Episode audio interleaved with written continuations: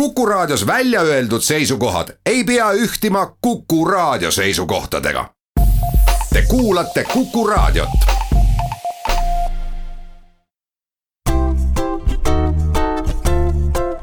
patsiendiminutid, Patsiendiminutid toob teieni Eesti Patsientide Liit. tere hommikust, hea Kuku kuulaja. mina olen Kadri Tammepuu ja täna me räägime ravimite ohutusest selleks, et äh, ravimist oleks maksimaalselt kasu, tegutsetakse, võiks öelda, kahes suures valdkonnas. esiteks äh, ravim ise et see oleks piisavalt läbi uuritud, parima kvaliteediga valmis tehtud ja igal pakendil oleks kaasas põhjalik info. Ja teine oluline pool on siis niinimetatud korralduslik osa, mille pärast ja kuidas ravim välja kirjutatakse, mil moel inimene ravimi kätte saab, kas tal on raha seda osta ja kuidas siis sellest suurest infohulgast tõlgitakse inimese jaoks äh, arusaadavaks põhiline. Kui äh, ravimiga seoses jääb midagi tegemata või tehakse halvasti, siis äh, tihti teeb ravim kas kasu asemel kahju või ei tee üldse mitte midagi ja meie tänane saatekülaline ongi ravimiohutuse eest vastutaja Ravimiametis Ott Laius, tere tulemast saatesse, Ott. tere hommikust e, ravimiameti üks suuri ülesandeid on kontrollida, et kas need valged tabletid teevad seda, mida lubatakse. kui palju erinevaid ravimeid Eestis täna müügil on? No näiteks eelmisel aastal äh, turustati mm, umbes kaks tuhat kaheksasada erinevat nimetust ravimpreparaate. ja teada on ka see, et ähm, ravimeid osteti välja enam kui kümne miljoni retsepti eest. kas on uuritud ka, et kui palju ravimikarpe aastas Eestis kokku ostetakse? no ravimikarpe jõuab patsientideni ikkagi kümneid ja kümneid miljoneid äh, iga aasta. Need ravimid on väga igapäevaseks meie toidulauale kujunenud, kui nii võib öelda. no absoluutselt.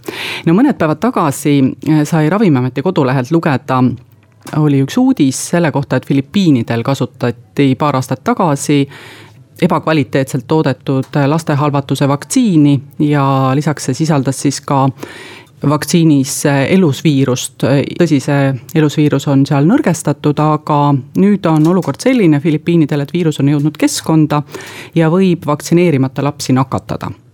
Kas Eestis on ka oht, et ähm, kui meile külla tulevad näiteks filipiinlased või süürlased või Afganistani kodanikud, äh, siis nad toovad selle lastehalvatuse viiruse kaasa ja meie vaktsineerimata lapsed võivad samamoodi haigeks jääda seal kusjuures isegi ei olnud küsimus halvasti toodetud vaktsiinis, vaid seal oli just see manustamise viis.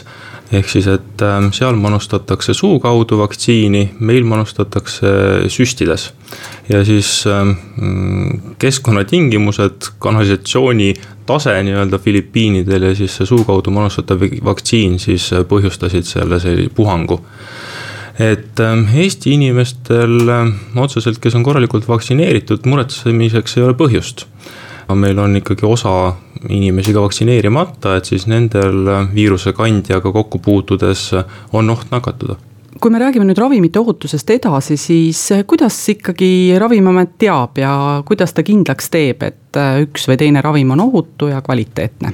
Mm, selleks, et ravimit võiks apteegis müüa, peab tal olema müügiluba ja seda müügiluba annab Ravimiamet ja enne müügiloa saamist siis peab äh, ravimifirma, ravimitootja tõestama äh, nii siis äh, kvalitatiivse poole pealt ohtrate dokumentidega, et see ravim on toodetud kindlaid kvaliteedinõudeid silmas pidades. ning efektiivsuse ohutuse koha pealt peavad siis olema läbi viidud kliinilised uuringud, mis on sisuliselt inimkatsed kus siis teatud hulgale patsientidest antakse ravimit ja siis jälgitakse neid väga tähelepanelikult, et mis see ravim teeb siis head nendega, mis see teeb nendega halba kuidas siis täpsemalt tagatakse see, et äh, ravimitootjad äh, seda teevad, et mida nad lubavad? noh, osaliselt on see usalduse peal põhinev süsteem, aga loomulikult täielikult äh, Äh, seda ravimitootjate kanda ei ole jäetud, et äh, ravimiametid siis ka inspekteerivad tootjaid, niisiis nende tootmisasutusi. et mismoodi siis seda tabletti seal ikkagi või süstelahust ikkagi tehakse. aga ka üldisemalt süsteeme, et mismoodi siis on tagatud, et kõik äh, ravimite ohtlikud toimed ilusasti jõuaks ravimiametiteni ja, ja sealt juba siis saaks kodanikke teavitada, et kui ravimiga mingisugune ohtlik toime on ilmnenud näiteks no Eesti on ju päris väike, tootjaid on palju, ravimeid on palju. tundub, et Eesti üksinda ei saaks sellega hakkama, et kõik need ravimid ära kontrollida, mis kusagilt meile jõuavad. kas me paneme kellegiga seljad kokku ka, et äh, kuidagimoodi ülesandeid jagada? ja loomulikult, et äh, sisuliselt kogu, kogu ravimi järelevalve on Euroopa koostöö et ühest küljest, et vähendada dubleerimist loomulikult, et äh, ravimid on Euroopas üldiselt üsna ühesugused. ei ole mõtet neid äh, hinnata kõikidel riikidel eraldi ja samamoodi, et äh, süsteemid on ravimitootjatel siis üsna sarnased. et kui siis süsteem on ühes riigis ära hinnatud, saab kolleegide inspektsiooni tulemustele tugineda ehk et tegelikult ei ole väga suurt vahet, äh, kus tootja oma müügiloa dokumendid sisse annab. Äh, selles riigis, kus seda tehakse, see ravimiamet siis selles riigis seda menetleb ja annab oma teadmise teistele Euroopa riikidele edasi põhimõtteliselt küll ja protseduurid on äh, vägagi reguleeritud ja ühtlustatud, nii et, et kõik Euroopa riikide ravimiametid saavad asjadest ühtemoodi aru ja nii-öelda otsus on tihtipeale ka ühine, et äh, mis selle ravimiga siis teha, et kas ta väärib müügiluba või mitte äh, kui keegi küsib, äh, no näiteks minu käest, et huvitav, et kas tegu on siin ravimi või toidulisandiga, siis mina soovitan esimese asjana vaadata karpi sisse. ja ravimikarbis on tavaliselt selline pikk infoleht ja seal on ravimi kohta kirjas igasugu informatsiooni. kui öelda, et ravimid töötatakse välja umbes kümme aastat, siis äh, seal on ilmselt need kümne aasta leiud kõik kirja pandud terve närvikavaga seltskonnal on see ilmselt lõbus lugemine. aga terviseärevad inimesed võivad ravimi võtmise katki jätta, kui nad seda infolehte nüüd päris täpselt äh, ja tõsiselt loevad. miks siis üks tavalise ravimi infoleht äh, nii paljusid ähvardusi sisaldab? Jah, ma olen nõus, et ta on üsna pikk ja, ja see kõrvaltoimete loetelu võib seal olla üsna muljetavaldav. ja teisalt äh, ravimi head omadused, et mida see ravim inimesele kasu teeb. et see on seal enamasti üsna niimoodi põgusalt kirjas. et on kirja pandud, et langetab teie vererõhku või et on osteoporoosi vastu. aga noh, mis see vererõhu kõrgenemine või mis see osteoporoos inimesega halba teeb, et noh, seda seal ei ole kirjeldatud, et mida me siis ära hoiame. aga kõrvaltoimete loetelu on seal pikk sellepärast, et me ei saa välistada, et äh, mõnel inimesel see kõrvaltoime esineb, et äh, loomulikult mitte kõikidel ravimi kasutajatel ei esine ühtegi kõrvaltoimet ja. ja mitte kellelgi peaaegu ei esine mitte kõiki neid, mis seal loetletud on, aga kuna tõenäosus on olemas ja inimene peaks seda siis oskama tähele panna, et kui ta tunneb ennast kuidagi teistmoodi, halvemini peale ravimi võtmist, et siis äh, saaks võtta meetmeid kasutusele selle leevendamiseks. räägitakse seda ka, et äh, need kõrvaltoimed on pandud sinna mõnikord ka peaaegu et igaks juhuks kirja, sellepärast et ükski patsient mitte kunagi ei saaks ühtegi ravimitootjat kohtusse kaevata no siin on süsteemid natukene erinevad näiteks Ameerikas ja Euroopas, kus Ameerikas tõesti pannakse nagu absoluutselt kõik, mida keegi kunagi on kahtlustanud äh, äh ravimi infosse kirja Euroopas on süsteem natukene selles mõttes konservatiivsem, et siin ikkagi peab olema see kõrvaltoime vähemalt mõistliku tasemega tõestatud, et, et see sinna ravimiinfosse jõuaks. kas ähm, võib öelda, et äh, siiski leidub inimesi, kes võtavad ravimeid, aga neil kõrvaltoimeid ei esine?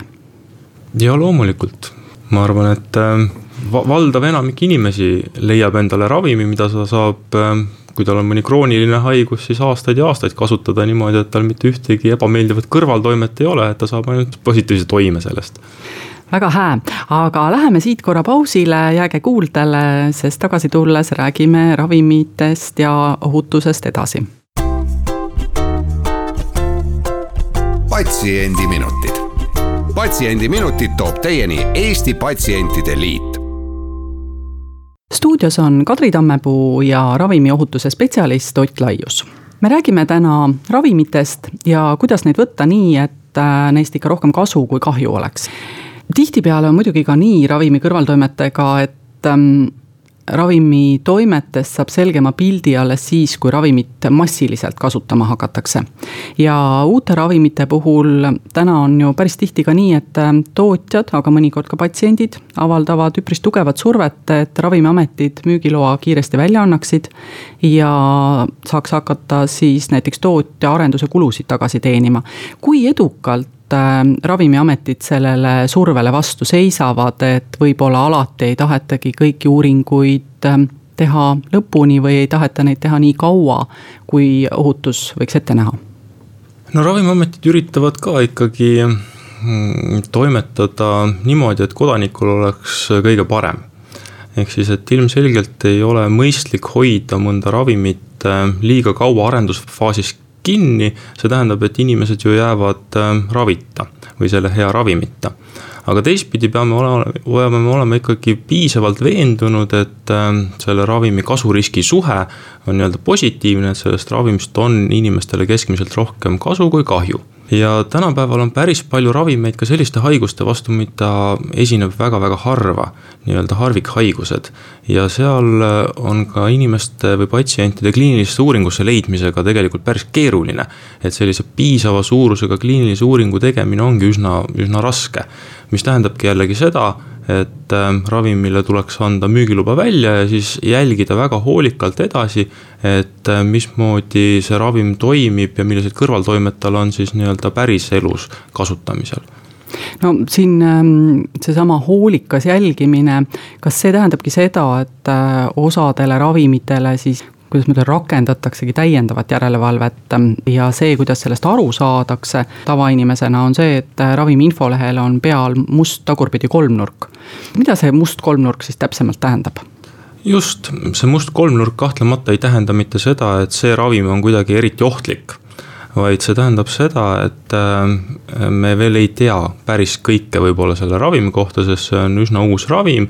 tema kliinilistes uuringutes ei ole võib-olla nii palju patsiente olnud ja kui patsient nüüd näeb seda musta tagurpidi kolmnurka seal ravimi infos, et siis ta peaks jah, võib-olla eriti hoolikas olema ja enda tervist eriti hoolikalt jälgima, et äh, kõigest, mis tundub eriskummaline, siis oma arstile teada andma, et. siiski aeg-ajalt tuleb meil ette, et ähm, osadel ravimitel tulevad välja mingid toimed, mida ei soovita ja eks nad natukene võivad äh, nendel inimestel, kes väga ei süvene ravimite vastu, usaldusväärsust ka kuidagimoodi langetada, no siin üks äh, ehmatavamaid näiteid äh, ikkagi ajaloost on seesama talidomiid, mis ähm, aastakümneid tagasi kirjutati rasedatele iivelduse vastu välja ja tagajärjeks olid siis äh, väärarengutega beebid, aga kas Eestis on viimaste aastate kohta ka müügilt mõned ravimid kõrvale tõstetud, äh, öeldes, et äh, ikkagi see kasu ja riski suhe ei ole omavahel tasakaalus? no talidomiid on jah, selles mõttes kõige legendaarsem näide, et see kogu selle ravimiohutuse süsteemi arengule aluse panigi. et äh, isegi siis, kui ravim on juba müügile lubatud, müügiloa saanud, et siis me jälgime seda hoolikalt ka äh, edaspidi, et saada aru kohe, kui mingisugune kõrvaltoime nii-öelda ilmneb, millest varem ei ole aru saadud ja see süsteem või see sõel on läinud äh, viimasel ajal üsna-üsna tihedaks, nii et äh, seda ikka juhtub. et mõnel ravimil müügiluba lõpetatakse, et siin viimastel aastatel pigem ongi olnud küsimuseks see, et ravimi efektiivsuse küsimused on pigem nagu päevakorral, kui et nüüd ohutuse kui ravimist on väga palju kasu, see ravib mingit väga eluohtlikku haigust, et siis me oleme nõus tolereerima ka natukene raskemaid kõrvaltoimeid. aga samas, kui ravimist midagi eriti tolku ei ole, et siis äh, on ka väga vähesed kõrvaltoimed põhjendamatud räägime natukene sellest, et kui nüüd mõni inimene siiski puutub äh, ebasoovitava toimega kokku, et noh, näiteks, et inimene võtab paratsetamooli, tal lähevad järsku silmavalged ja nahk kollaseks või, või mõni teine hakkab näiteks üle kere sügelema mida siis tegema peaks? kõige õigem on sellest rääkida oma arstiga. et eks see natukene on ka keeruline, sellepärast et ravimite kõrvaltoimed ei ole mingisugused ähm, teistsugused nähud kui tavalised inimese haigestumise nähud. et siis kokku viia ja aru saada, et nüüd on just ravimi kõrvaltoimega tegemist, et see ongi selline eraldi teadus nii-öelda. üldiselt kipubki niimoodi olema, et inimesed, kui neil peale ravimi võtmist mingisugune uus näht tekib, siis nad kipuvad eeldama, et see on ravimi kõrvaltoime, aga see sugugi ei pruugi nii olla. see võib olla täiesti juhuslik asjaolude kokkulangevus. aga no kahtlemata tuleks sellest oma arstile teada anda kui arst samamoodi arvab, et see võib ravimi kõrvaltoime olla, siis tuleks sellest ka ravimiametile teada anda, kes siis saab äh, edasi uurida selle kõrvaltoime kohta. et ei tahaks küll soovitada, et inimesed omal käel nüüd äh, ravimi kasutamise näiteks lõpetaksid või või siis otsustaksid seda võtta kuidagi teisel viisil, kui arst on neile määranud. kui nüüd äh, Ravimiametid äh, koguvad üle noh, näiteks üle Euroopa erinevad Ravimiametid kõrvaltoimete kohta informatsiooni, mis selle informatsiooniga edasi saab, sa ütlesid, et Ravimiametid uurivad, kuidas nad seda teevad siis? Kõik Euroopa Ravimiametid siis saadavad ühtsesse Euroopa andmebaasi kõrvaltoimeteatisi, kus siis on äh, sisse ehitatud selline eriti vinge statistilise analüüsi tööriist, mis siis äh, kõiki saabunud äh, teateid või siis kõiki toimeaineid analüüsib ses osas, et kas mõne toimeainega tundub, et esineb mõnda kõrvaltoimet sagedamini, kui me üldiselt populatsioonis ootaksime, et sellist nähtu esineb ja kui äh, sealt saadakse nii-öelda ohusignaal, et süsteem annab teate meile, et jah, et tundub, et sellel ravimil võib selline kõrvaltoime olla, et siis hakatakse juba edasi vaatama, et kui palju neid kõrvaltoimeid on, kellel need on, kas teaduskirjandusest on varasemalt teada olnud midagi äh, samasuguste toimete kohta. ja kui peaks tunduma, et jah, tõesti, see ravimi kõrvaltoime on ja seda praegu seal ravimi infos kirjas ei ole, et siis äh, siis viiakse läbi siis protseduur, et see sinna infosse ilusasti jälle kirja saaks, et, et inimesed teaksid mm, karta sellist asja või. nii et äh, tegelikult ei tasu hoida alles äh, vanu äh, ravimite infolehti, sest võib-olla kümne aasta pärast on nad juba täienenud ja veidikene teistsuguse infoga. ja ravimite info muutub, no tahaks öelda, et peaaegu et igapäevaselt no nii on, muutume ajas järjest targemaks, aga mida siis inimene võiks endale meelde jätta, et infot on palju, aega on vähe, tihti ravimite kohta väga palju arsti juures ei kuule. mida sa soovitad? enamasti kasutatakse meil retseptiravimeid Eestis, noh suures hulgas. et siis äh, esmane info peab tulema kindlasti arstilt. mille vastu see ravim on, mismoodi teda võtta, enne sööki, pärast sööki ja, ja mida see ravim head teeb milliste kõrvaltoimete osas siis tähelepanelik võiks olla. järgmine koht nüüd, kus äh, võiks sellesama info üle käia, nii-öelda on apteegis kus apteeker võiks siis rääkida inimesele samamoodi, et mille vastu see inimene selle ravimi sai. mida ta seda võttes tähele peaks kindlasti panema, mismoodi seda ravimit ka säilitada. aga noh, paratamatult jah, äh, inimesele kõik meelde ei jää ja just selle jaoks see infoleht seal pakendis siis ongi, et. kuidas su endaga on, et kas sinul on ravimiinfo peas, et kui sa mõne ravimi ostad ja pead seda juhtumisi kasutama, kas sa ka pakendi infolehte loed või, või sa tead juba kõike niigi? et kas mul on kõigi kolme tuhande turustatava ravimi infot no sa peas? kõiki vist ei võta ka ei, loomulikult ei ole, et eks ma pean ikka ka sealt nüansse Äh, nüansse üle vaatama. aga suur aitäh, Ott, täna tulemast, sellega kahjuks on meie saade läbi. ja täname ka kõiki kuulajaid. patsiendiminutid võõrustasid Ravimiameti osakonna juhatajat Ott Laiust ja küsis Kadri Tammepuu. Kuulmiseni taas nädala pärast ja seniks olgem terved. patsiendiminutid, Patsiendiminutid toob teieni Eesti Patsientide Liit